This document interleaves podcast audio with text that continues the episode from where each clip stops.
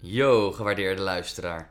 Welkom bij de Neuro Reset Podcast. De podcast waarin we elke maand praten met een expert over zorg en welzijn. Met een kritische en nuchtere blik dagen we onszelf en jou uit om verder te kijken.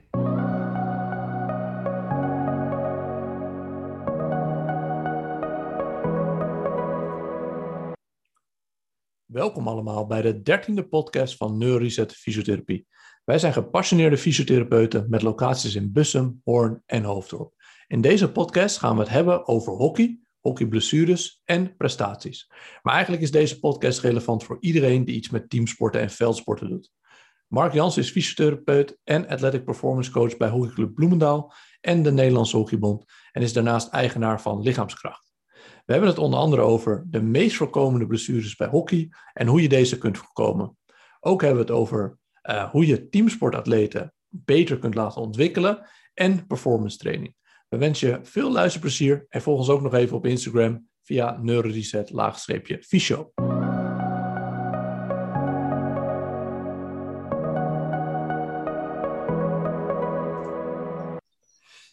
Alright, Mark, welkom bij onze twaalfde podcast. Uh, we gaan het vandaag hebben over hockey, performance, blessures en eigenlijk alles wat uh, om de hockeywereld heen draait. Uh, maar voordat we beginnen, zou je jezelf eerst kunnen introduceren? Yes, ja, bedankt voor de uitnodiging om daarmee even vast te beginnen. Uh, ik, uh, ik ben Mark Jansen en ik ben een fysiotherapeut, athletic development coach, zo noem ik mezelf een beetje, en inspanningsfysioloog.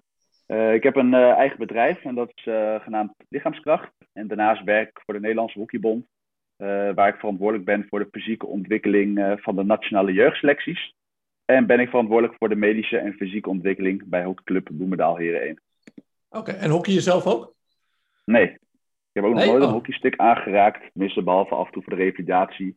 Maar verder, okay. uh, nee. Ik heb daar helemaal niets mee. En hoe ben je dan zo in die uh, hockeywereld terechtgekomen? Dat is wel interessant.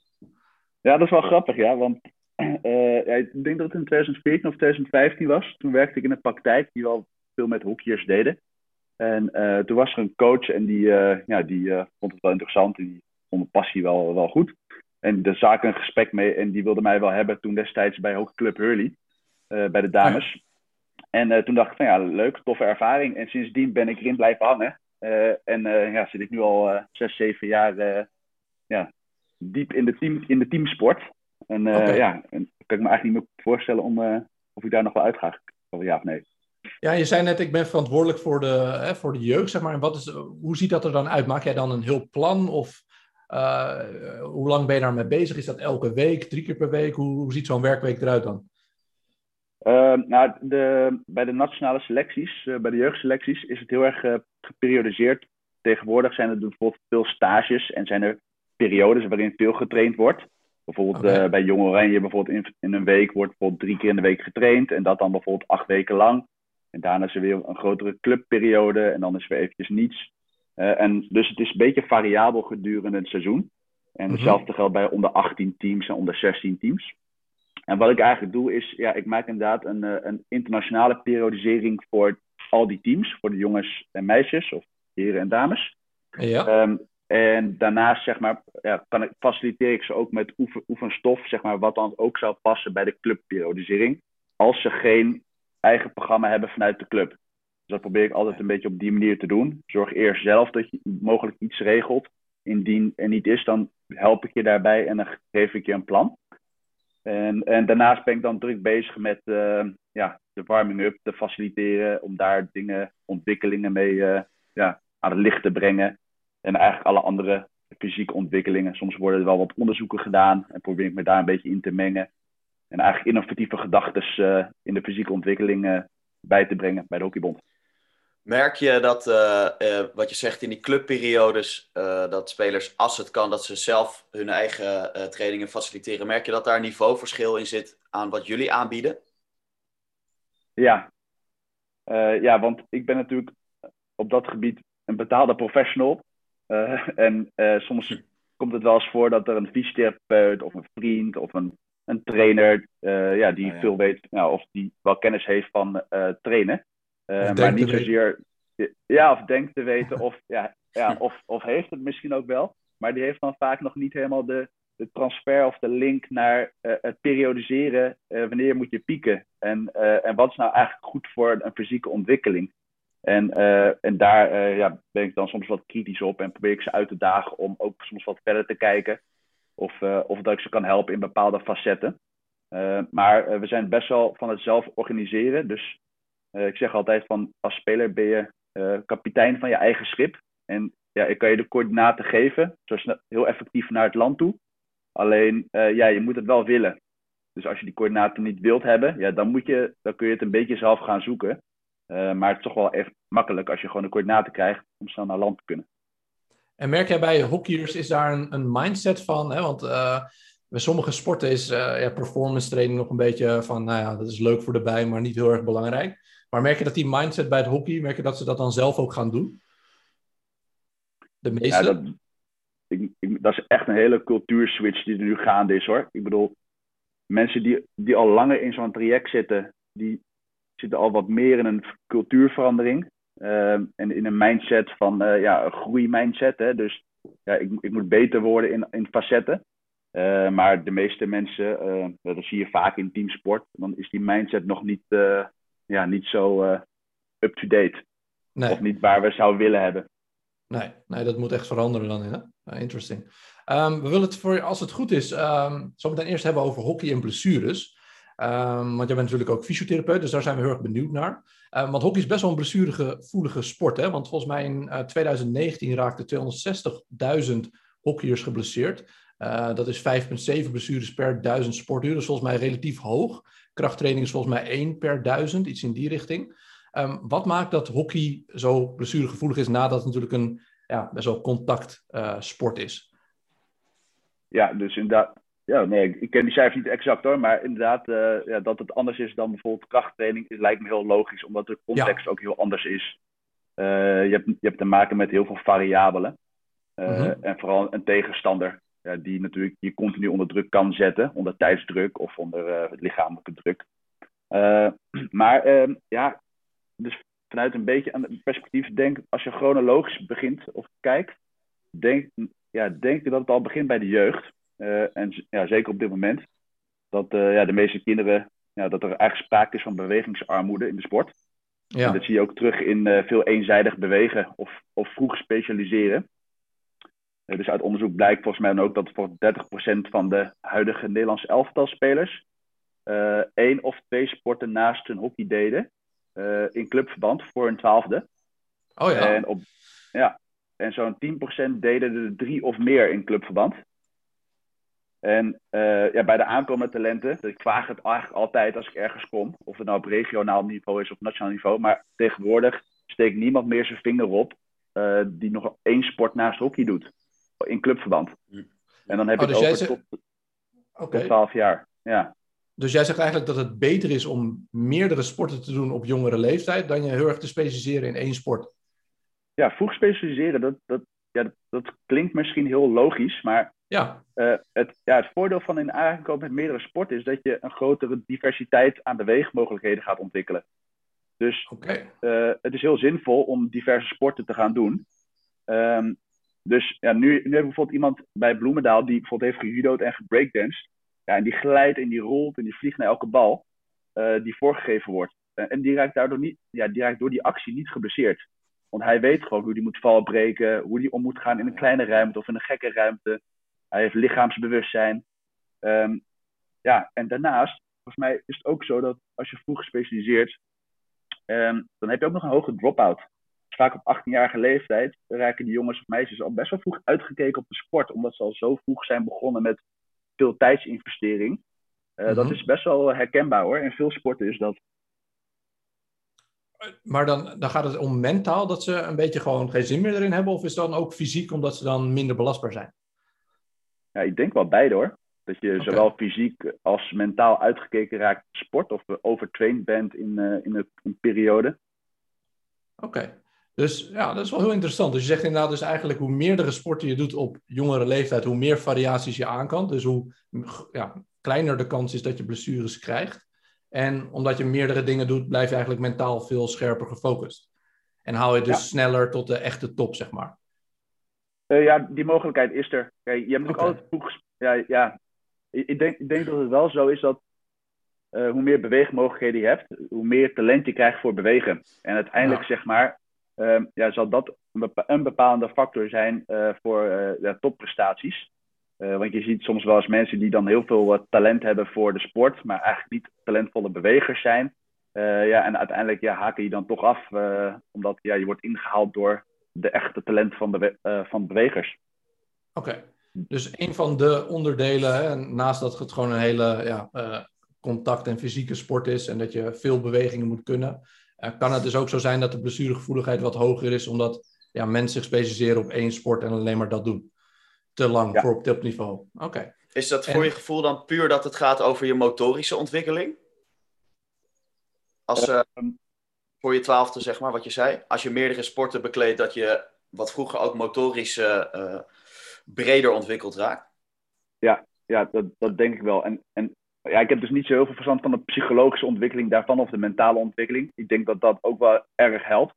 Door mhm. misschien ook een keer een individuele sport te doen. In, op de lange termijn, in een teamsport bijvoorbeeld.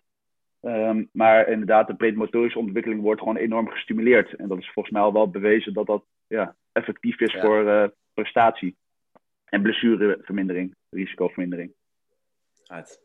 En als we dan uh, naar dat hogere niveau kijken waar jij in zit, wat zijn dan de meest voorkomende blessures? uh, ja, dat is toch wel uh, hamstring, heup, lage rug. Oké. Ja, dat zijn wel echt. Uh, en, en zijn het dan heel erg, zeg maar, heeft het dan heel erg te maken met echte acute? Hè? Dus dat het echt met weefselschade en dat soort dingen? Of heeft het meer te maken met overbelasting? Want daar ben ik wel benieuwd naar. Van, omdat het best wel, waar we het net over hadden, veel contact, harde bal, dat soort dingen. Dus ik kan me voorstellen, als je zo'n bal tegen je knie krijgt, dat is ook een blessure. Of is het meer ja, de belasting, belastbaarheid, overbelasting, dat soort dingen. Uh, ja, dus inderdaad, zo'n die acute trauma's of zo, ja, dat, dat, dat zou je kunnen zien als een blessure. Uh, mm -hmm. Maar over het algemeen, uh, ja, dat heeft iedereen verstel. Je krijgt een knietje tegen je bovenbeen, een ijsbeentje. Ja, dan ben je wel geblesseerd, maar in principe ja, zul je waarschijnlijk niet echt een wedstrijd missen. Uh, dus dan ben je dan echt geblesseerd, ja of nee? Ja, hoort gewoon bij de sport, denk ik. Mm maar uh, gek genoeg valt dat dus nog wel mee, ervaar ik. Die, die echt acute trauma's. Maar daarnaast ervaar ik wel dat de meeste blessures gewoon voortkomen uit overbelasting. Dus simpelweg doordat een gevraagd bewegingspatroon herhaaldelijk wordt belast in een hoge volume of een hoge intensiteit. En in de hockey is dat beweegpatroon vaak het sprintpatroon. Mm -hmm. wat tot gevolg heeft dat de hamstring en laag rug het zwaarst worden belast bij hockeyers.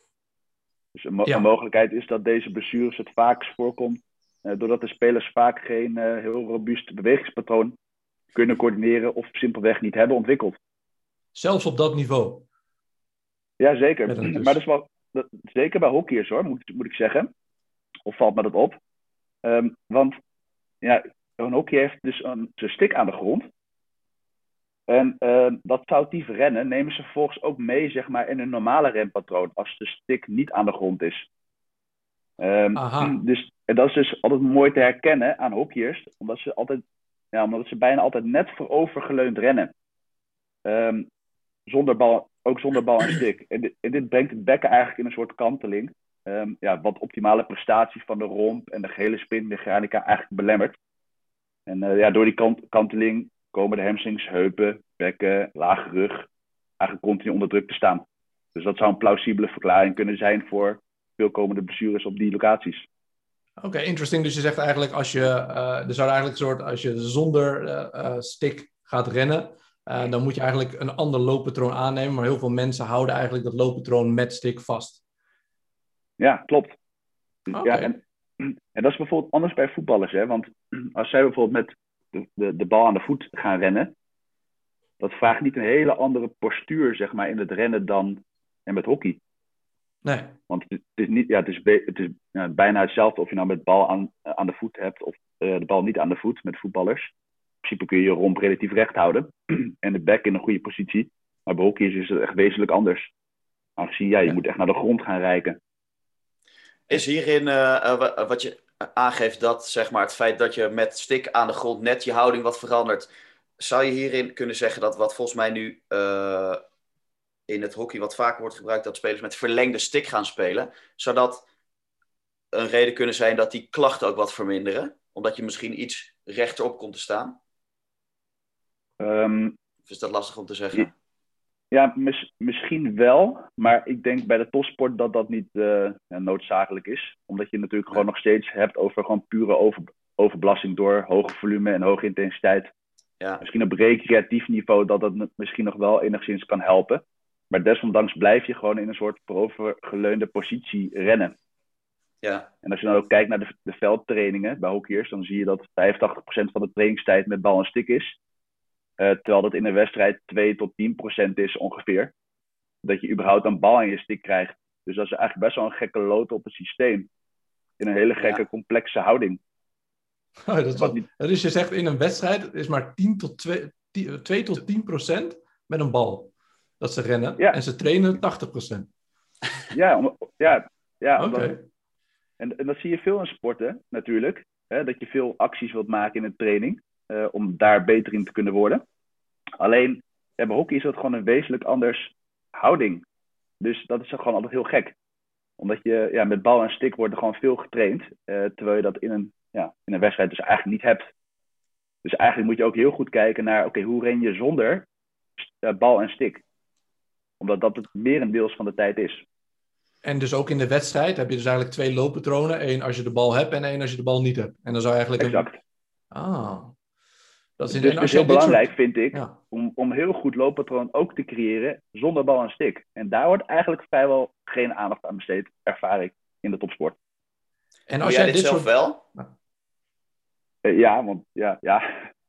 ja omdat, ik, omdat ik dit zie als een prognostisch ongunstige factor voor blessures en prestatie.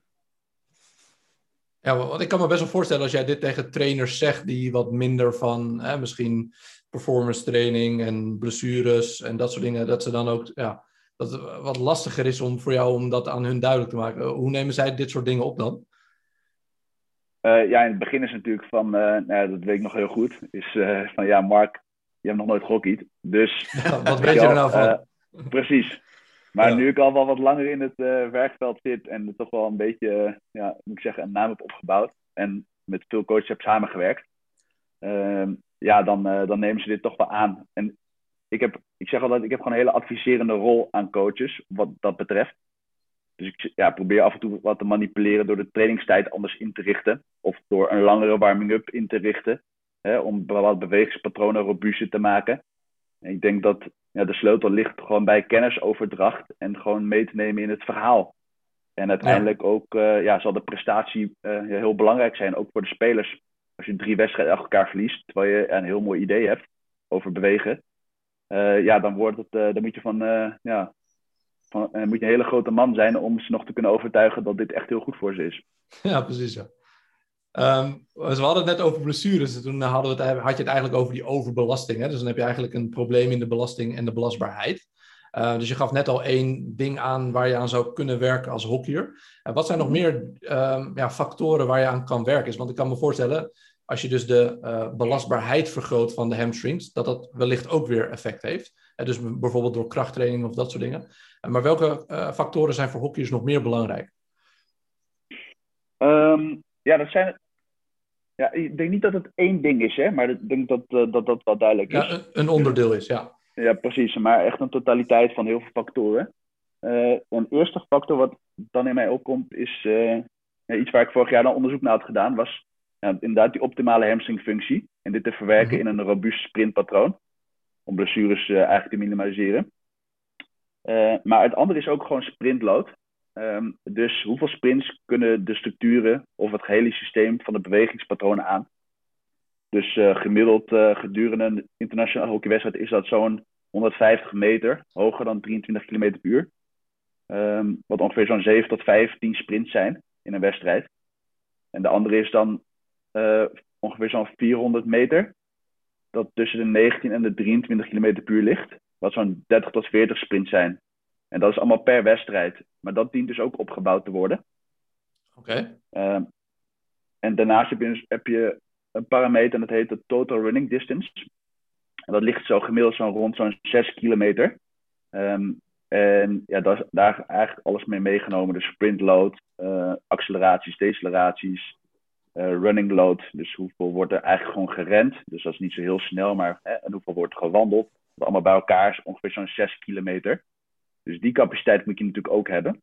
Mhm. En de load van de acceleraties en deceleraties weet ik eerlijk gezegd niet exact. Ehm, maar ja, het lijkt me meer dan logisch dat je dat ook gewoon moet opbouwen. Ja, want je had net in het begin over de optimale hamstringfunctie. Wat bedoel je daarmee dan?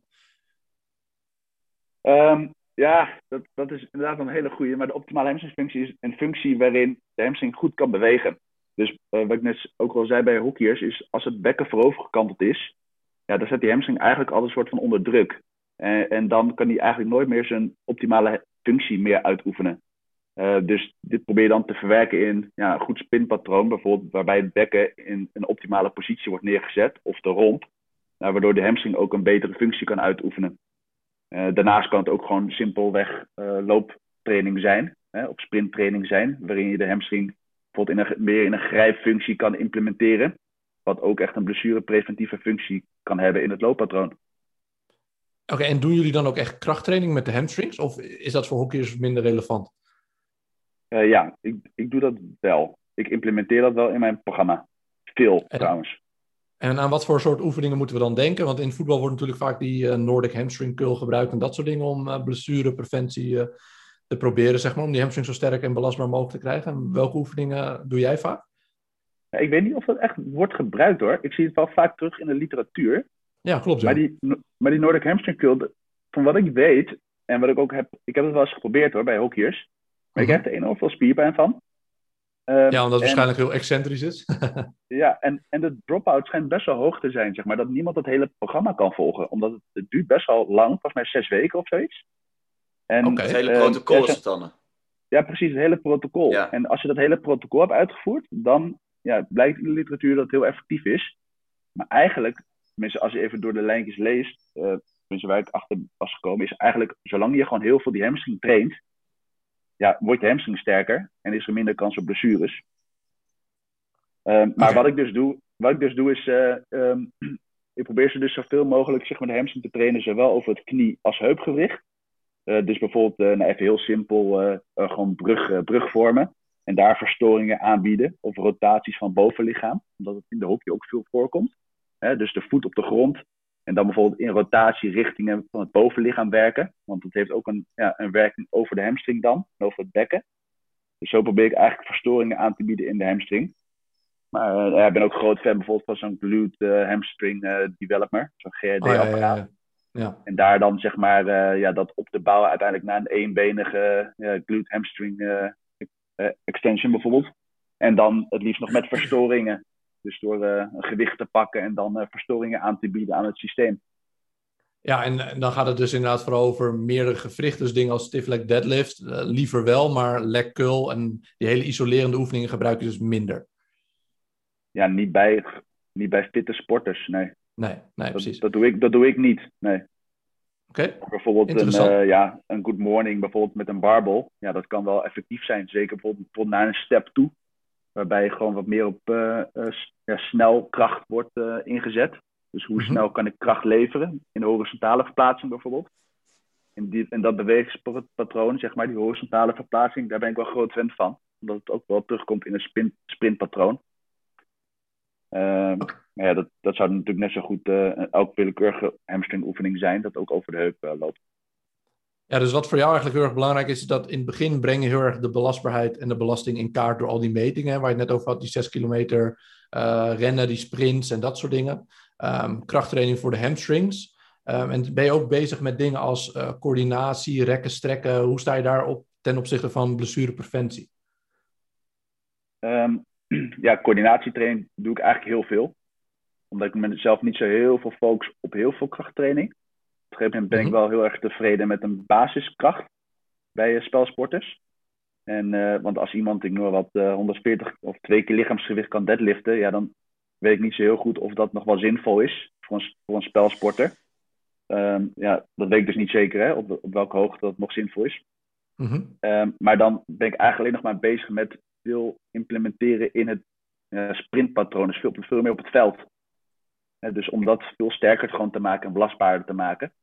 Uh, dus inderdaad meer coördinatieve trainingen.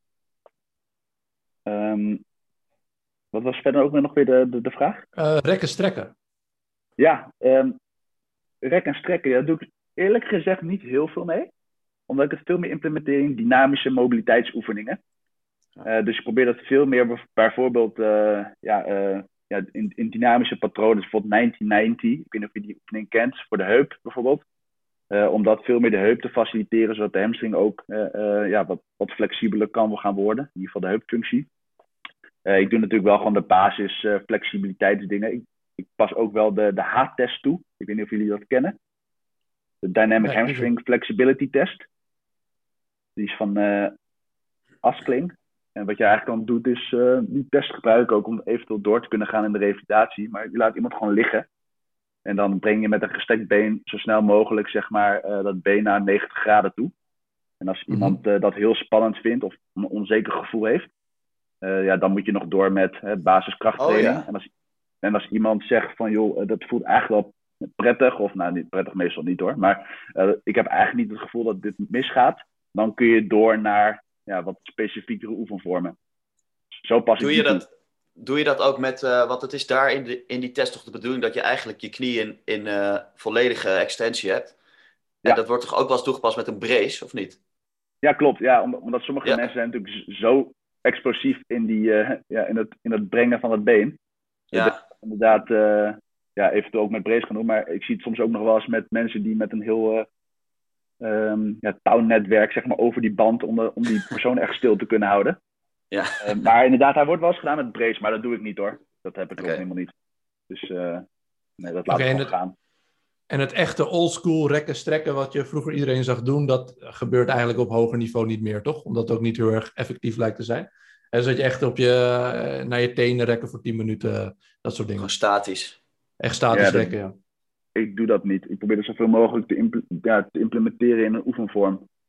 Ja, om gewoon die mobiliteit... Ik vind het wel interessant hierin, wat je zegt, Pet, dat uh, het eigenlijk op hoog niveau niet meer gedaan wordt. Uh, heb jij, uh, Mark, bij Bloemendaal sport, sporters die de overtuiging hebben dat statisch rekken nog steeds heel erg zinvol is? Ja. Ja?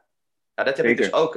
ik heb bij Gooise uh, een, paar jaar, een paar jaar geleden uh, begeleiding gedaan als, als fysiotherapeut. En daar kwam ook heel erg naar voren dat veel jongens heel graag voor elke training en wedstrijd iets aan statisch rekken willen doen. Misschien is het een mindset, maar de overtuiging heerst toch wel dat het nog steeds super effectief is in versnellingen of in het warm maken van je spieren als blessure, uh, blessurepreventie. En, maar dat is dus ook nog steeds op hoogste niveau zo. Ja, ja klopt. Nee, dat, dat, ja, ik, ik vind dat heel lastig om, om. Ik informeer meestal iedereen altijd één of twee keer erover. En als iemand wat meer informatie over wil, dan ga ik echt wel de diepte daarin. Maar ja, inderdaad, wat je zegt, het is, het is soms routine. En, en ja, als iemand daar echt een goed gevoel bij heeft, ja, volgens mij ja, het blijft een soort trainingsleren. Dus ja, zolang we niet alles exact weten, ja, ga ik ook niet uh, um, ja, te veel zeggen dat het echt slecht is voor iemand. Nee. Uh, volgens mij is dat ook nog niet helemaal duidelijk hoe slecht dat dan kan zijn of hoe goed uh, dynamisch rekken dan is. Dus ik probeer daar een beetje van weg te blijven. Maar ja, gevoelskwesties natuurlijk zeker voor een wedstrijd is misschien nog wel bepalender dan uh, of dat rekje nou wel of niet helpt. Ja. ja. Alright. Um, ja, ik denk over die belastingbelastbaarheid dat je daar echt wel hele goede antwoorden al op hebt gegeven. Dat is echt heel erg informerend. Uh, ik ben nog wel benieuwd of jij ook dingen doet qua blessures, uh, hè, met voeding bijvoorbeeld, of hè, met meer. Dus dit is natuurlijk echt oefenen en dat soort, wat ze waarschijnlijk meer op de club doen. Maar ben je ook bezig met, ehm, ja, oké, hoeveel rust moet je nou nemen, slapen, dat soort dingen? Of is dat niet heel erg jouw taak? Ehm, ja, dus ja, eerlijk gezegd zijn mijn adviezen vrij gering op dit gebied. Mm -hmm ik heb wel regelmatig gesprekken over dit onderwerp met de sporters die ik begeleid. Uh, maar meestal luister ik gewoon naar wat ze te zeggen hebben. En dat klinkt misschien makkelijk, maar dat is nog wel wat lastig.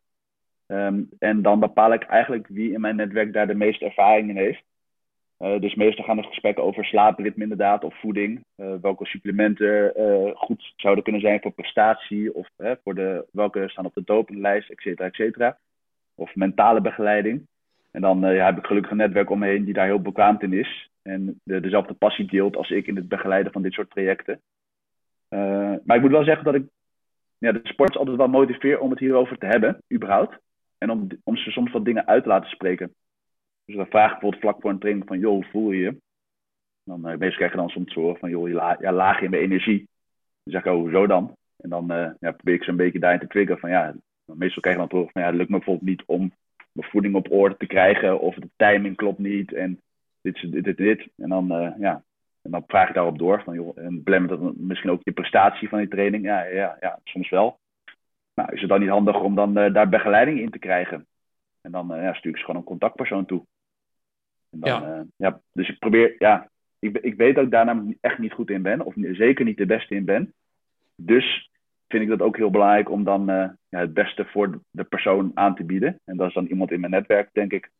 Ja, dus je weet, dat, je, je weet uh, de invloeden daarvan en je brengt dat in kaart, maar verder uh, stuur je dan door, zeg maar. Ja, lijkt me ook een hele goede. Ja. Uh, maar inderdaad ook omdat, ik zag laatst ook een onderzoek, ik weet even niet de precieze statistieken, maar dat als je na vier dagen een slaaptekort, dat dan de kans op blessures al zoveel procent toeneemt. Dus dat, dat slapen en dat soort dingen, voeding heeft natuurlijk echt superveel ja, impact op hoe je je voelt en hoe belastbaar je lichaam is, zeg maar. Dus dat is wel interessant. Ik denk dat het echt heel onderbelicht is hoor, wat jij nu inderdaad ja. zegt. Ook, ook in de revalidatie. Weet je wel, van ja, hoe, voel, ja, ja, hoe, hoe is je slaapritme? Aangezien dat toch echt de basis is van het leven. Uh, slapen mm -hmm. en leven. Um, ja, en je ziet dat bij veel teamsporten zie je al helemaal dat het niet voor de hand liggend is om, ja, zij zien dat als een detail of zo. Of dat zie je veel bij sporters, alsof, alsof het dat het detail is van het winnen of verliezen. Terwijl, ja, misschien is het wel echt een basale component voor prestatie. Uh, ja. En ik, ik, geloof daar echt in, dat het echt een, een basiscomponent is. Terwijl ja, daar dus eigenlijk nog over wordt gedacht over een soort detail. Net zoals voeding. Ja, ja vooral op dat, dat hoge niveau van jou natuurlijk. Hè, waar natuurlijk elk percentage wel gaat tellen of je beter bent dan je tegenstander.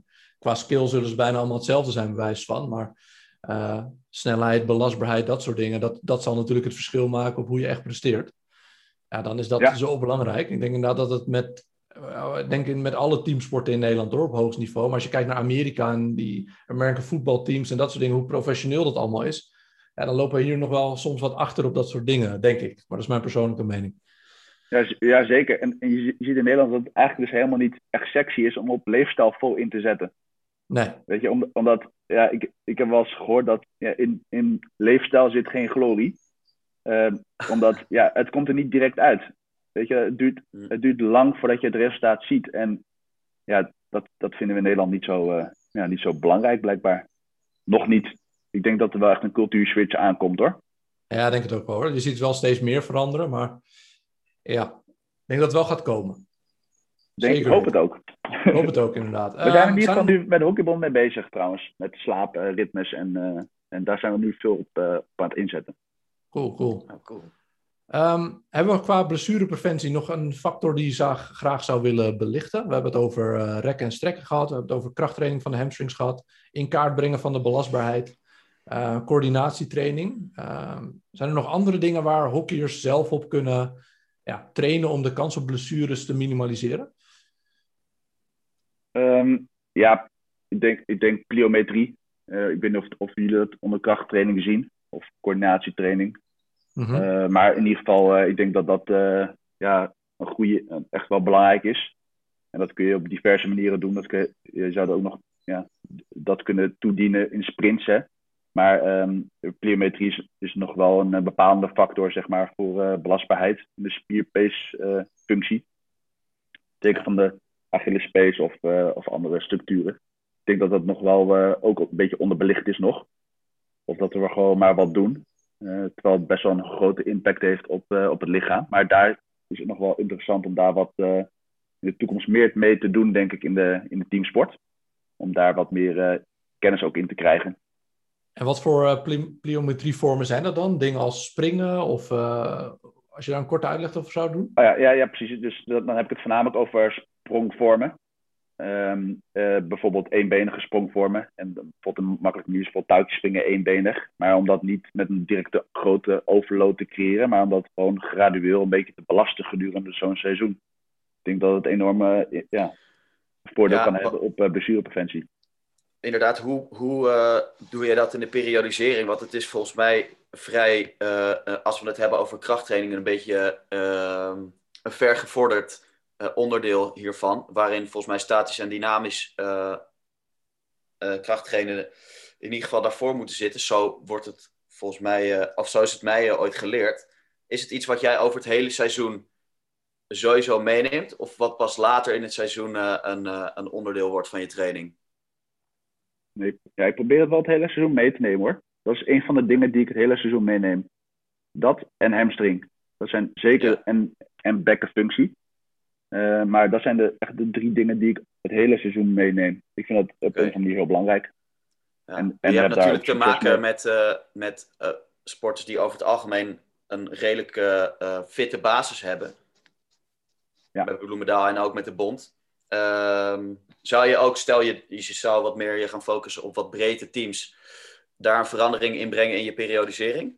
Dat is natuurlijk helemaal afhankelijk van de fitheid van de spelers op dat moment. Maar ik kan me voorstellen dat het juist bij wat minder fittere uh, hockeyers en spelers in het algemeen een ding is wat je goed moet opbouwen. Ja, ja ik denk dat gezond verstand inderdaad heel belangrijk is. Ja. Maar inderdaad, ik, ik heb niet, inderdaad niet zo heel veel ervaring met uh, de breedte sport. op dat gebied qua periodisering. maar inderdaad, ik denk als je dat gewoon gecontroleerd opbouwt, het hele seizoen door, dat het eigenlijk vrijwel veilig is. En dan met opbouwen bedoel ik dus echt gewoon laag inzetten.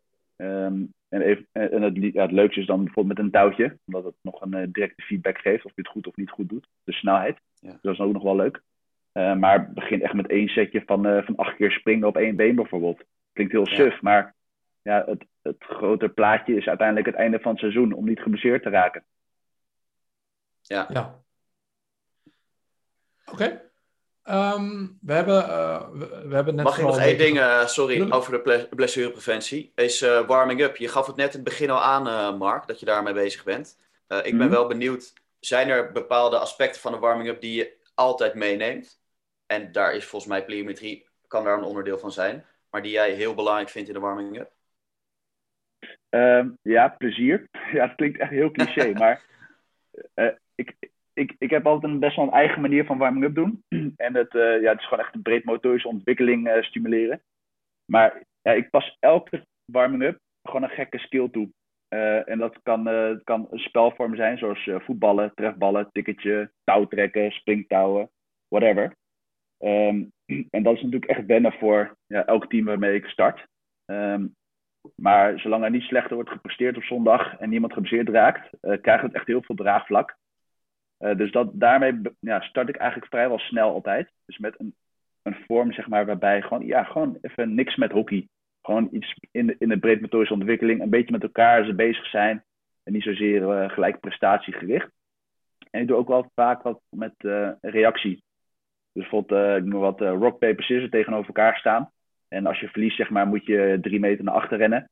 En de ander probeert je dan te tikken. En als dat lukt, zeg maar, als je wordt getikt terwijl je wel hebt gewonnen, dan krijg je bijvoorbeeld een zo'n dingetje achter je oor, weet je wel, om het een beetje grappig Ah, te maken. en, uh, en dan doe je dat bijvoorbeeld, uh, nou, ik noem wat twee keer. En dan, ja, dan zeg je, oké, okay, doe nu die pion maar een meter naar achter. Weet je wel, dan wordt het sprintje opeens vier meter en dan vijf meter. En zo probeer ik het een beetje gewoon op te bouwen. Maar op die manier, zeg maar, prik je ook gelijk een beetje dat hele neurologische systeem. En dat is echt, uh, ja, gewoon gelijk lachen, gieren, brullen. Maar best wel met een goede toon, hoor. Dus het is niet dat het gelijk een hele speeltuin is geworden. En, ja, ja verder... die variatie dan misschien, hè? Ja, precies. Dus het is wel elke keer wat anders hoor. Ik probeer het echt ja. wel uh, gewoon uh, ja, uitdagend te maken en telkens weer wat nieuws. En uh, ja, aanvullend aan de warming-up doe ik altijd in ieder geval twee keer per week. Ja, doen we dus veel met uh, ja, waterzakken en loopmechanica training. Om dat, de hele loopmechanica eigenlijk onder druk te zetten. En dat doe ik dan vooral een beetje vaak park practice. Dus bepaalde delen uit het looppatroon. Dat we proberen robuuster te maken. En soms ook wel het hele patroon. Met of zonder hockeystick dan? ja, zonder inderdaad. Ja. ja, dus ja, dat, is wel, dat is wel goed dat je het zegt hoor. Want het is namelijk heel makkelijk om dat een beetje uh, te trainen. Namelijk als je gewoon een gewichtje bijvoorbeeld van 2 kilo of 5 kilo boven je hoofd houdt, verstrekt, en daar gaat rennen. Zeg maar, dan heb je al heel veel dingen voor elkaar ge, ja, gebokst. Namelijk, ja, je moet je romp recht houden. Mm -hmm. Uh, of, uh, of als je gaat sprinten, het gewichtje bijvoorbeeld heel hard voor je uitduwen. Waardoor je zomaar soort van bijna gaat struikelen. En het resultaat is dat je dus je rom naar achter gaat brengen. Aangezien je niet naar voren wilt struikelen. Dus zonder dat je zegt dat ze iets moeten doen. Ja, probeer ik ze eigenlijk al heel erg zelf organiserend zeg maar, het voor elkaar te krijgen.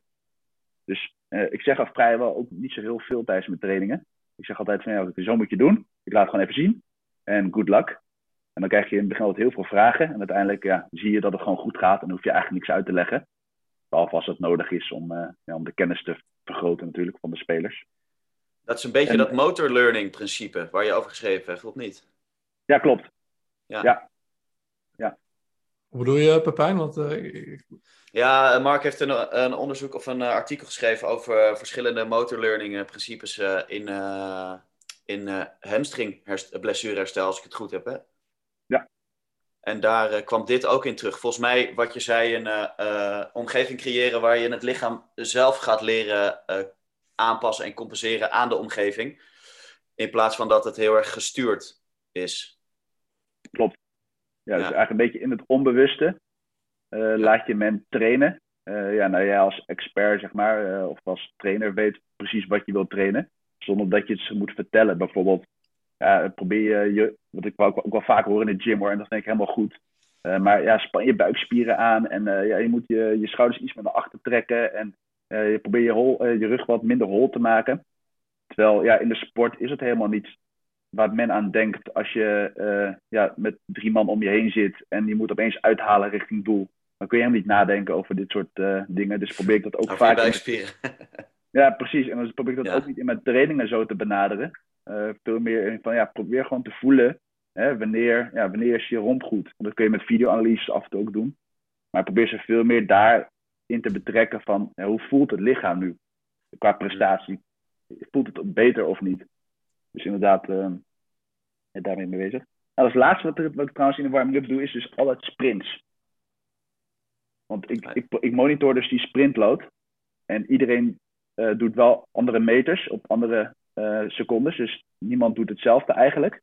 Uh, dat kun je natuurlijk alleen een beetje bepalen door die sprint te testen. Op bepaalde snelheid.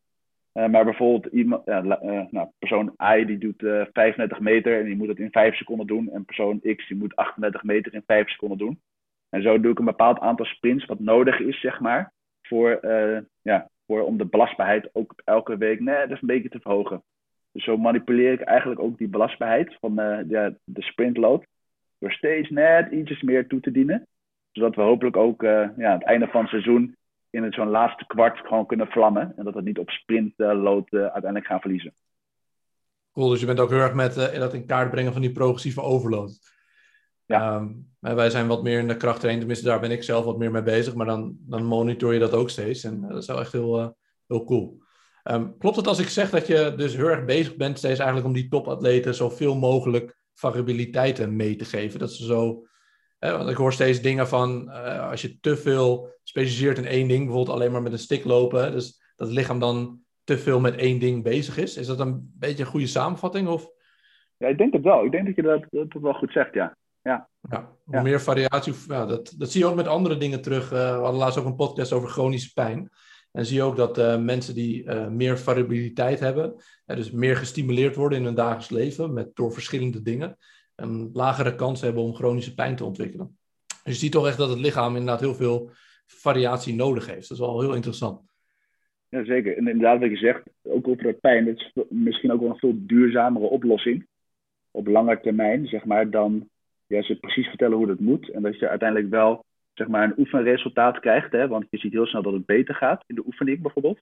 Mm -hmm. Maar het leerresultaat blijft misschien dan nog wel wat achter.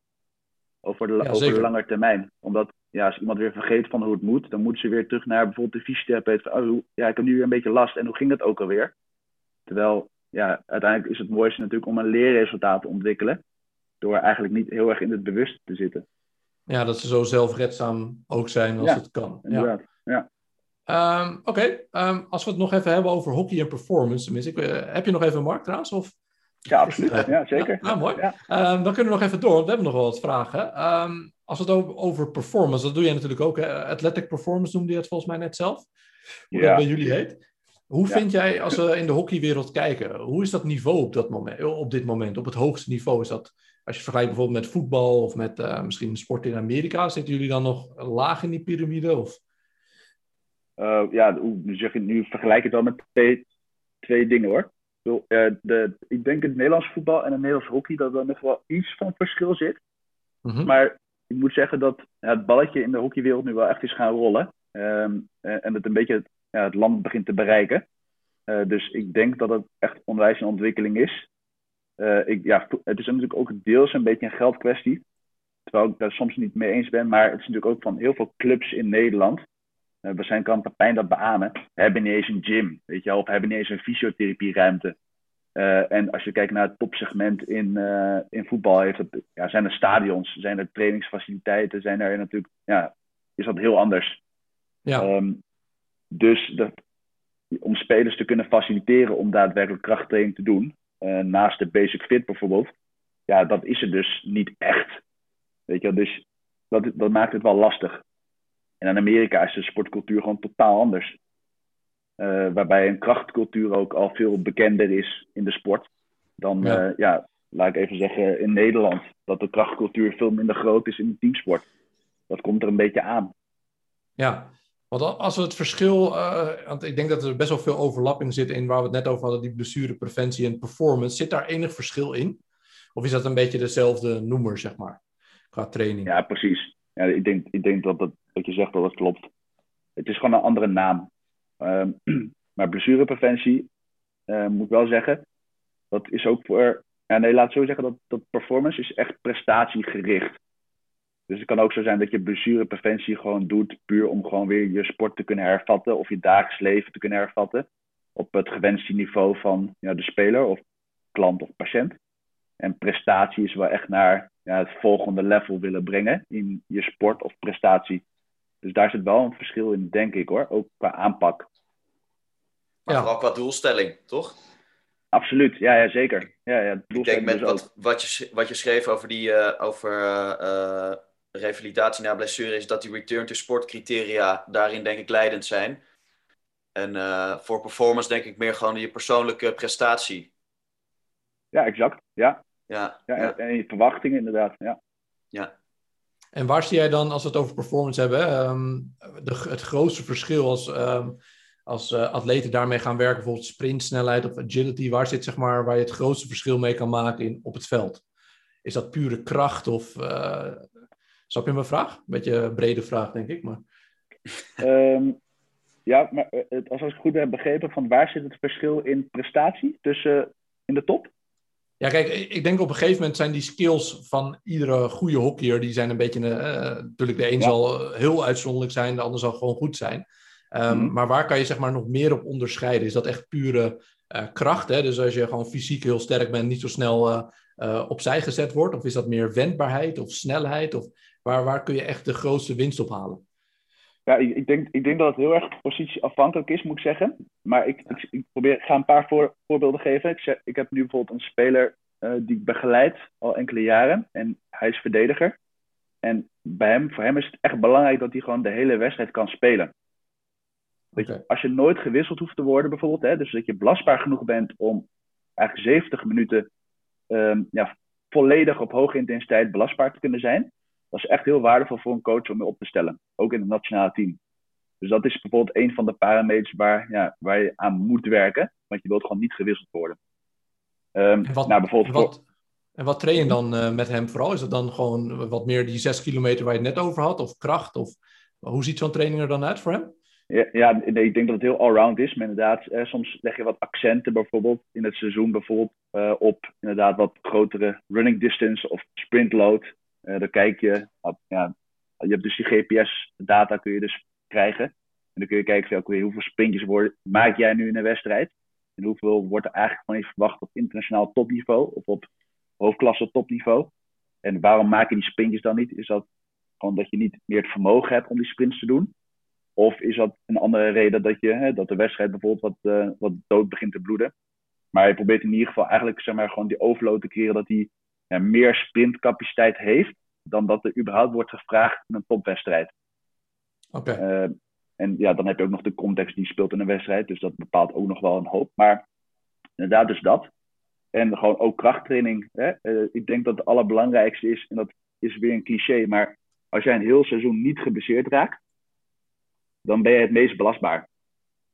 Dus ja. als je geen, geen week mist, ja, dan blijf je gewoon lekker bezig met je plan en met je, periodisering, waarbij je zeg maar alleen maar ja, vooruit blijft gaan. En ik denk dat dat wel ook de sleutel is voor ja, succes.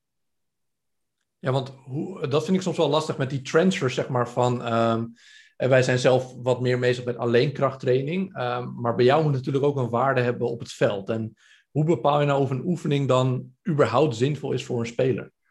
Als we dan over die krachttraining hebben waar je het net over had. Of kan dat gewoon elke oefening zijn die de belastbaarheid vergroot? Um, ja, dat is wel een goede vraag. En dat is ook echt een complexe vraag.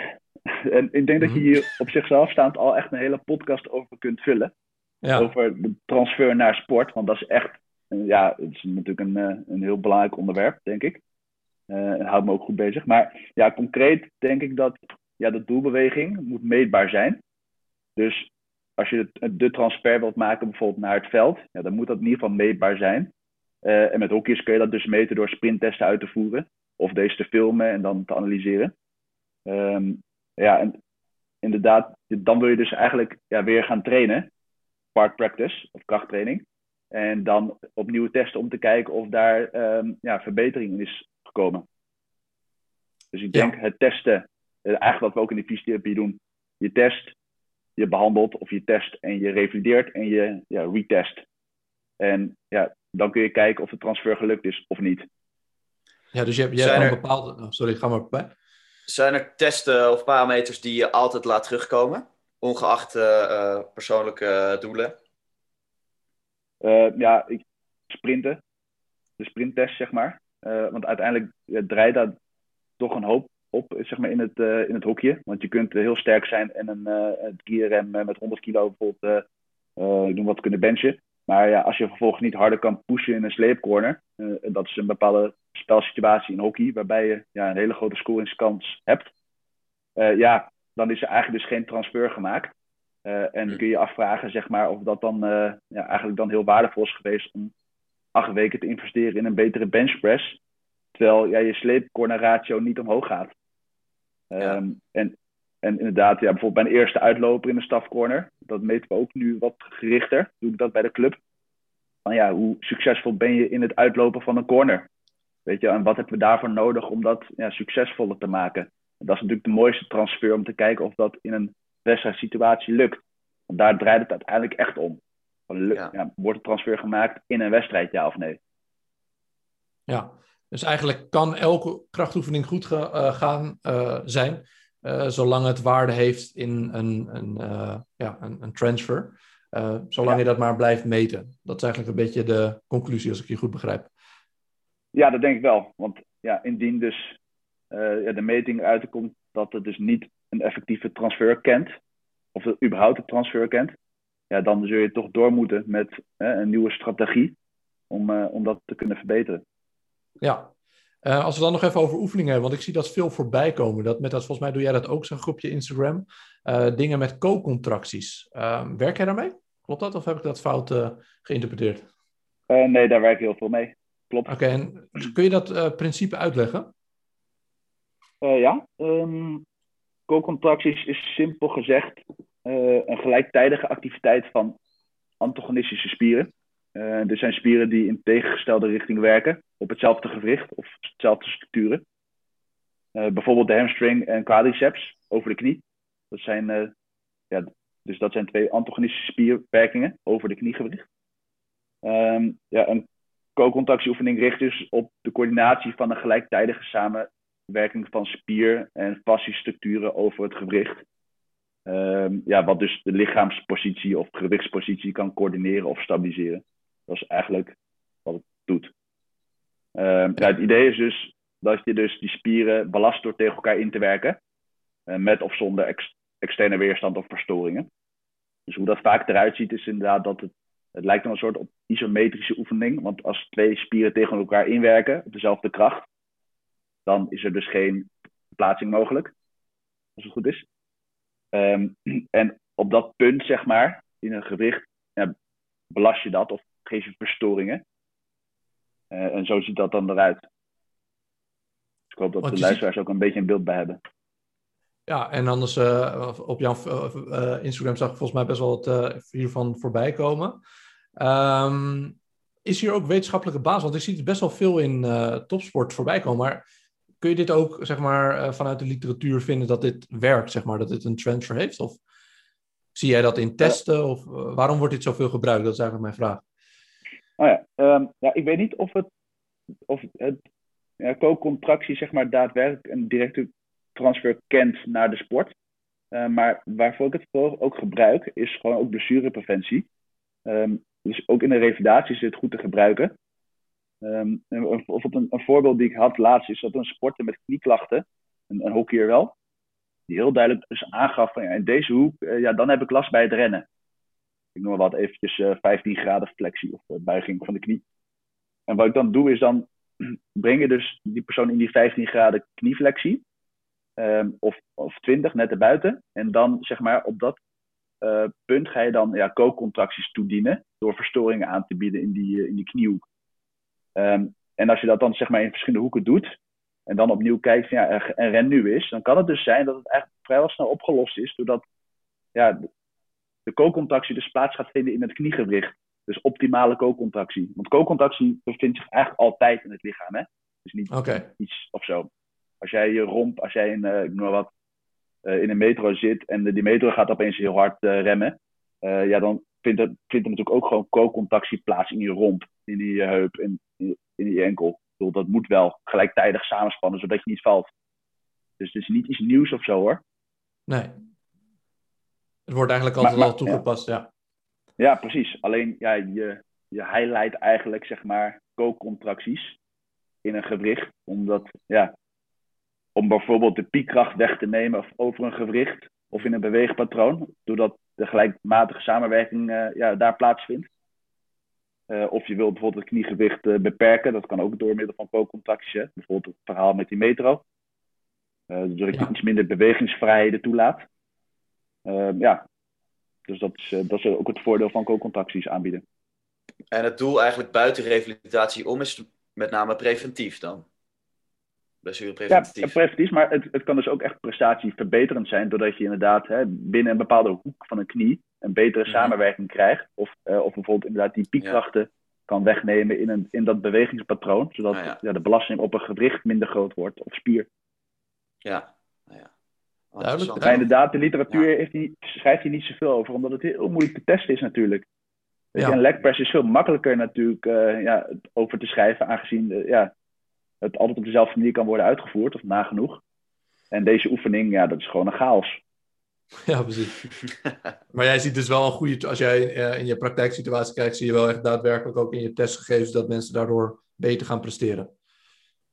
En niet alleen door co-contracties, maar Nee, ja, oké. aangezien ik het altijd toepas, zal dat zeker hand in hand gaan. Ja. Een onderdeel.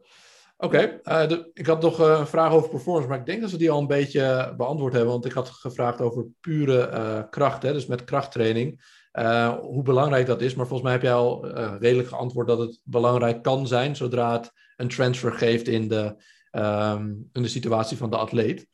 Ehm, toch, als ik je goed eh Ja, klopt. Ja. Ja. Ehm, Pepijn, hebben we nog meer dingen over performance die jij wil vragen of wil weten? Ehm, ik zit even na te denken. Volgens mij hebben we al redelijk veel eh, eh, besproken nu. Zeker. Ehm, Mark, heb jij zelf nog toevoegingen over dus puur performance? Ehm, Wat nog belangrijk is misschien voor mensen om te trainen of voor trainers die daarmee aan de gang kunnen? Nou, ja, wat je, ja, wat je eventueel zou kunnen doen, dat is een van de dingen die ik bijvoorbeeld ook toepas in de, in de, bij de hoekclub. Dat is natuurlijk een, eh, een geheim, maar dat wil ik best vertellen. Nee, dat is geen geheim. Maar ehm, yes! ja, ik, ik, ik, ik heb twee geheimen, dus als jullie twee geheimen willen horen, dan kan dat nog hoor. Uiteraard. Eh, ehm, eh, één is ehm, ja, dat een, het rennen, zeg maar, dus altijd individueel programma kent. Dus het kan niet zo zijn dat eh eh, Pepijn hetzelfde rent als ik. Aangezien we allebei andere eh, ja, snelheden hebben. Dus wat je kunt doen, heel makkelijk, is bijvoorbeeld eh, is om de maximal aerobic speed te bepalen. Door een 5 minuten rentest te doen op het veld. Nou, wat je dan doet, is je rent dus 5 minuten, gewoon maximaal. Je rent de long uit je lijf. Ehm, en eh, wat je dan kijkt is hoeveel meter legt iemand af. Nou, het aantal meters die je dan aflegt, die ga je dan omzetten naar hoeveel meters per seconde die persoon dan eigenlijk kan rennen over vijf minuten. En met die meters per seconde kun je een programma maken voor die persoon. Kijk. En, en dus dan kun je zeggen van, nou weet je wat, eh, gezien je, je ja, maximal aerobic speed, dus je mas, eh, be- wordt bepaald dat je, nou ja, ik noem maar wat, eh 7 meter per seconde kan rennen.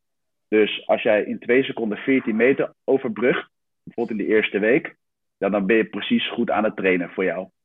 En Pepijn, jij hebt eh, een 8 meter per seconde, dus jij moet 16 meter per 2 seconden rennen om zeg maar je, je load te kunnen behalen. Eh, zodat je niet onderload wordt, of tenminste dat Pepijn niet onderload wordt, als we weer gaan, eh, een training gaan hervatten. En ik niet overload word als ik hetzelfde programma van Pepijn ga doen. Aha. Dus dat is eigenlijk een hele makkelijke eh, om blessures ook te voorkomen. Echt easy. Ja, en als je Maar je dan gaat, nog- hier, je gaat hier wel uit van, van een maximaal. Dus zowel snelheid als inspanning. Ja, maar je zult zien dat je natuurlijk... Ja, eh, ja het is een maximale veldtest. Ja, En, en, eh, maar ja, het is, ja, het is aerobic speed, zo, noemt, zo wordt dat genoemd in de literatuur. oké. Eh, maar je zult zien, ja, je kunt natuurlijk niet vijf minuten sprintjes trekken. Dus Nee, het, is precies. gewoon, het is eigenlijk gewoon echt die... ja, ja, het is echt die perfecte verzuring. Ja, oké. Dus je mag blij zijn. De toppers halen ongeveer zo'n 1800 meter. Of tussen de 16 en de 2 kilometer. 1600 meter tot 2 kilometer. En in de breedte sport zie je dat als je een kilometer of meer rent in 5 minuten, zeg maar, is dat al wel netjes.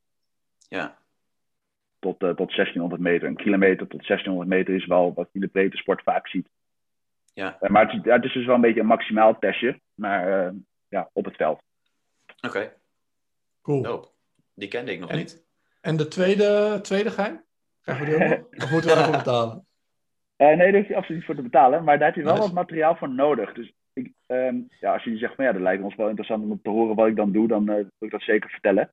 Ehm, wat ik eh, namelijk doe is, ik, ehm, ik kwam er toen drie jaar geleden, toen wilde ik iets gaan inrichten voor de club waar ik toen werkte, bij Amsterdam. Om zeg maar ja, blessurepreventie of blessurerisico's in kaart te brengen. En wat ik toen dacht, ja, toen, kwam, toen was de Olympische Spelen in Londen was geweest. En toen was er een Brits hockeyteam, die deed dan wat met de RSI. En dat is die Reactive Strength Index. Ik weet niet of jullie dat kennen. Nee, ik niet. Ja, dat, dat, de RSI is een uitkomstmaat, zeg maar. ehm, wat een weergave geeft van de Fast Stretch Shortening Cycle. SSC wordt het ook wel genoemd. En dat is een natuurlijke vorm van spierfunctie die dan optreedt wanneer een actieve spierverlenging onmiddellijk wordt gevolgd door een actieve spierverkorting. Eh, wat dan verwijst naar bijvoorbeeld voorrek of gewoon een counter-movement actie. Ja, dus stel je gaat springen, eh, het landen zeg maar, en hoe snel je dat landen weer om kan zetten naar springen. Hm. Ja, dus wat ik, wat ik toen had gedaan is, ik had wat literatuur gezocht en dit en dit. En wat ik dus nu doe voor elke training, is ik, ik meet dus de RSI van elke speler. En, en dat doe ik dus met een, eh, ja, dat kun je doen met een eh force plate. Of eh, ja, tegenwoordig heb je ook wat goedkopere alternatieven die ook wel heel accuraat zijn. Heb je En- daar ook geen een app voor op je telefoon? Of zijn die niet... eh, ik, dacht dat ik dat ook wel eens gezien heb. Dat je dan een filmpje maakt en dat die dan uitrekent. Of is dat iets anders? Ja, nee, klopt. Dat, dat kan eh, inderdaad. Nee, dat, bestaat. Alleen, het, dus dat, dat is een alternatief. Maar als ik 23 jongens moet filmen Ja. en dat duurt wel even. Klopt. Dat dan elke, elke training. Dus nee, dan kun je, dan, voor mij was het dus wel gewoon leuk om ook gewoon een keer een investering te doen eh, daarin. En Mhm. wat ik dan doe is, ehm, nou, ik vraag dan van, joh, hoe gaat het? Nou, gaat het goed? Nou, top. Eh, geef dan een cijfer van eh 0 tot 10 hoe je je mentaal voelt. Nou, dan krijg je altijd meestal een zeventje te horen in de eerste paar weken. Maar op een gegeven moment zijn ze wel heel eerlijk. En dat zeventje, die koppel ik dus aan die RSI die ze dan doen. Dus wat ze dan doen, is ze doen een drop jump test. En dan kijk zeg maar naar het grondcontact en de spronghoogte. En dat is eigenlijk Ja. de RSI. En hoe daar- korter dat dat grondcontact is, hoe beter, toch? Of niet? Ja, inderdaad. Dus hoe korter, hoe ja, spitsiger je bent, zeg maar. Hoe Ja. rechter je bent. Dus dat is, dat is inderdaad ook een maat, zeg maar, die je kunt testen. Nou, ehm, wat dus blijkt is, ehm, wat ik nu dus doe, na lang monitoren, is als die RSI eh, gemiddeld, nee, als die 20% lager is dan het gemiddelde van wat ze springen, dus persoonlijk springen, dan is Mhm. dat een verhoogde blessurerisico. Oké. En wat ik dan, en wat ik dan doe, is dan, ja, dan vertel ik dat natuurlijk aan ze. Neem ik ze mee in dat uh, traject. En dan vertel ik ook aan de coach. En dan proberen we een beetje die training te manipuleren voor hem. Dus bijvoorbeeld, uh, ik noem wat, dan zetten we hem in een, uh, in een team van zes. Terwijl de anderen allemaal een team van vijf hebben. En dan hem wat vaker wisselen. Zonder dat hij dat bijvoorbeeld doorheeft. Um, of ja, als het echt uh, ja, significant groot verschil is, dan te zeggen, en zijn verhaal zegt van, ja, ik heb een keuken in elkaar gezet afgelopen week, dus ik vond me echt heel kut.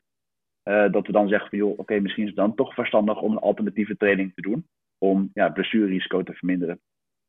En voor hoe lang houdt die, houdt die alternatieve training aan? Is dat voor een week of een paar dagen? Of? Nee, me meestal één training, want je ziet al vrij snel als dat iemand daarna weer hersteld is, zeg maar, van ja, overload, of het nou fysiek is of mentaal of neurologisch. Hè? Dus hoe snel kan iemand ja, kracht omzetten of is, is in staat om, om dat om te zetten. wordt ook bepaald daardoor. Dus de awareness, zeg maar, die is al vrij snel uh, ja, weer hersteld binnen die 20%. Maar het is ook wel grappig om hier de periodisering die ik maak, die, uh, ja, die hou ik hier ook bij. Dus meestal zie je dan ook van, als je bijvoorbeeld een zwaardere uh, periode hebt ingericht in je trainingen, bijvoorbeeld twee, drie weken op weg naar een wedstrijd, dan zie je ook echt bij iedereen dat die RSI's gaat dalen, omdat de belasting wordt gewoon groter en herstel wordt minder. En dat is voor mij ook wel heel mooi om te zien. Van, ja, ik zie inderdaad dat die RSI's bij iedereen omlaag gaat. En die cijfers van mentaal gaan ook allemaal een beetje ja, gecontroleerd omlaag. Dus oké, nou mooi. We hebben die wedstrijd en dan moeten we echt een deload week gaan inplannen, zodat die jongens allemaal weer kunnen herstellen. Heel interessant. Oh ja, cool. Dat is echt ja. heel cool, ja. Ja. Dus dat is uh, misschien uh, een van de succesfactoren bij, uh, van mij. misschien. misschien. ja, de jongens moeten uiteindelijk toch die doelpunten gaan maken. Ja. Ja, maar je, je schept wel voorwaarden natuurlijk waarin ze dat kunnen doen, hè, waar we het net over hadden. Dat is wel echt, echt heel cool. Ja, Oké. Okay. Um, ik denk dat we het meest over performance nu wel hebben gehad. Heb jij, Mark, nog zelf toevoegingen? Of nee. nee. Um, ik had best wel veel vragen ingestuurd gekregen, maar ik denk dat er al een hoop beantwoord zijn. Ik heb ze net even nog doorgenomen. Uh, genomen. Uh, het nut van stretch hebben denk ik wel benoemd. Um, cooling down. Een trainer vraagt of dat zin heeft of niet. Um, ja, ik weet niet wat jouw visie daarop is. Ja, ik, ik doe het er zelf niet. Um, omdat, ja, ik denk altijd de, de best, het beste herstel is natuurlijk gewoon eerst gewoon weer goed uh, ja, eten, drinken. En vervolgens is het gewoon weer het vermijden van de fysieke uh, contacten. Dus zoveel mogelijk uh, ja, gewoon maar rusten. Dat is het beste herstel misschien. Uh, maar als je de faciliteiten hebt, bijvoorbeeld een home trainer of zoiets, dan, dan zou dat wel ja, absoluut een meerwaarde kunnen hebben. Door gelijk op de fiets te springen bijvoorbeeld naar een wedstrijd. En om dan gewoon even rustig zeg maar de, de lactaat bijvoorbeeld eruit te fietsen op een bepaalde wattage. Dus dat zou zeker um, ja, een positief effect kunnen hebben. Alleen hebben wij gewoon die faciliteiten niet om dat mooi in te kunnen richten. En, uh, en ja, wil je echt lactaat uh, ja, gaan, uh, gaan afbreken, ja, dan zul je toch nog wel enige tijd zeg maar, op een bepaalde intensiteit moeten gaan rennen of, of fietsen. Um, ja, en, ja dat, dat maken we eigenlijk niet voor. Nee. Oké, okay. um, dan heb ik nog een vraag. Ja, dit zijn wel hele brede vragen hoor, dus uh, moet even kijken hoe we erop in kunnen gaan. Maar uh, wanneer is de groeispurt en wat betekent dat voor de ontwikkeling van sporters? dat is wel echt een. Uh, ja, ik weet niet of jij daar een kort iets ja, over kan zeggen. Ik, ik heb bij de Koffiebond hebben we daar natuurlijk heel veel over gehad. Omdat ja, natuurlijk, talentvolle jongens natuurlijk, of meisjes willen natuurlijk zo goed mogelijk houden. En blessurepreventief. Ja, het is heel belangrijk om daar rekening mee te houden. Meisjes natuurlijk wat eerder in de groeispurt. Uh, jongens ook uh, wat later dus. In vergelijking met meisjes. Uh, maar je ziet vaak hele slungelige jongens. Ja, en daar moet je absoluut ja, aangepast trainingsprincipes op toepassen. Of volumes of intensiteit. Daar moet je echt met de respect mee omgaan. En, en als die jongen zegt, ja, ik heb een beetje last van mijn knie. Ja, dan moet je niet zeggen, joh, zeur niet. het is wel goed om daar even goed naar te luisteren hoor. Ja, ja, want hier is ook een vraag dat uh, veel uh, mensen uit zijn team hebben last van knieën en schenen, zijn jongere mensen. Uh, maar dat heeft dan dus heel erg te maken met de belastingbelastbaarheid waarschijnlijk. Um, dus dan moet de trainingload misschien omlaag. Is dat een heel kort antwoord ja. dat misschien... Dat lijkt me echt de baan, ja. Ja, toch? Ja. Um, ja, ik denk dat het, de andere vragen zijn wel heel breed die er nog zijn. eentje is, hoe ontstaat shinsplints? denk ik een hele mooie vraag, maar ik denk dat uh, Mark dan nog uh, een uur bezig is. Dat is best wel een complex onderwerp. Um, ik denk dat een deel daar ook uh, misschien looptechniek belangrijk is. Om een korte ja, iets. Ja, toch? Looptechniek en ook weer die belastingbelastbaarheid. Dus ik denk voor de luisteraar met die vraag ja, dat je dat misschien wat beter in kaart kan gaan brengen dan. Um, top. Ik denk dat we wel het meeste nu hebben gehad uh, van wat wij je willen vragen. Ik heb echt super veel geleerd. Ik vond het echt heel interessant. Uh, Pepijn, heb jij nog toevoegingen of dingen die jij wil vragen? Nou ja, nog wel één ding. En, uh, Mark, je kwam hier zelf mee, maar we hebben het nog niet echt besproken. Wat als club kan je doen aan blessurepreventie? Um, investeringen ja, dus... zo bedoel je? Ja, nou ja, of educatie of bepaalde vormen van, van trainingen die bij iedereen terugkomen. Ja, dus, dus, ik heb hier wel eens met clubs hebben we het daar wel eens over. En wat ik dan adviseer om te doen, is om eigenlijk een groepje uh, of een ja, kennisgroepje te creëren binnen, de, binnen een club. Uh, om dan bezig, vooral bezig te zijn of te investeren in, uh, in preventie. en dus dan heb je het over gewoon de warming-up anders in te richten in plaats van rijtjes, zeg maar, om daar dus veel meer in die vari variabiliteit te zitten of breedmotorische ontwikkeling. Ik denk dat dat echt goud is voor je club. Uh, en dat het voor iedereen mogelijk is. Uh, omdat eigenlijk, uh, het, is, nou, het is gewoon gratis. Dat is gewoon kennis. Dus ja. ja. en dat moet gewoon gedeeld worden. Ik denk dat dat de meest makkelijke manier is. En, ja, als, je dus als, je, en als je zo'n groepje hebt, dan kun je natuurlijk gewoon ja, mensen uitnodigen om af en toe wat, wat lezingen dan gewoon te geven voor je trainers en, en voor, ja, voor, voor je club. Bedoel, iedereen wil dat volgens mij met liefde altijd wel doen. Om, uh, om het hockey in het Nederland of hockey in het, uh, of sport in het Nederland gewoon beter te kunnen maken. Ja, dus je zegt eigenlijk de beste investering is kennis. Sowieso. Het hoeft niet eens in dure apparaten te zitten of uh, mooie foam rollers of dat soort dingen, maar... Ja. ja, dat zie je ook vaak, toch? Dat daar de focus op wordt gelegd. Want het ziet er allemaal heel cool uit natuurlijk, maar... Ja. Absoluut, nee, inderdaad. Ik denk dat je, dat je gelijk hebt. Kennis, en uiteindelijk de vertaling naar de praktijk. Om dat te kunnen maken. Dat is gewoon heel, heel waardevol. Leuk. Tof. Mark, heb jij zelf nog uh, als einde een, uh, een, toevoeging of iets wat je nog graag zou willen zeggen? Uh, nou ja, goed, nu in die corona-periode nog steeds waar we in zitten, waarbij de, ja, alleen maar 5000 sporters kunnen doen, zou ik men wel adviseren om gewoon ja, toch die sprintload um, voor, bij spelsporters te onderhouden. En die total running distance aangezien je dat toch gewoon op het veld kan doen en alleen. Uh, ja, ik investeer daarin om zo uh, gemakkelijk mogelijke overgang weer te hebben naar de eerste training. Dus dat is mijn, uh, mijn advies. Ik denk dat het een hele goede tip is. Mark, mag ik jou hartelijk bedanken voor al deze waardevolle informatie. Ik heb, ik heb er echt heel veel van geleerd ook. Ik hoop jij ook, Pepijn, en ik hoop alle luisteraars absoluut, ook. Absoluut. Ik denk dat er echt veel waarde in zit. Ook niet eens misschien voor alleen hockeyers, maar ook andere teamsporters kunnen hier denk ik echt ja, dat het best wel breed ook uh, ingezet kan worden. Bedankt dat ik mijn kennis heb kunnen delen. Ja, leuk. Alsjeblieft, dankjewel.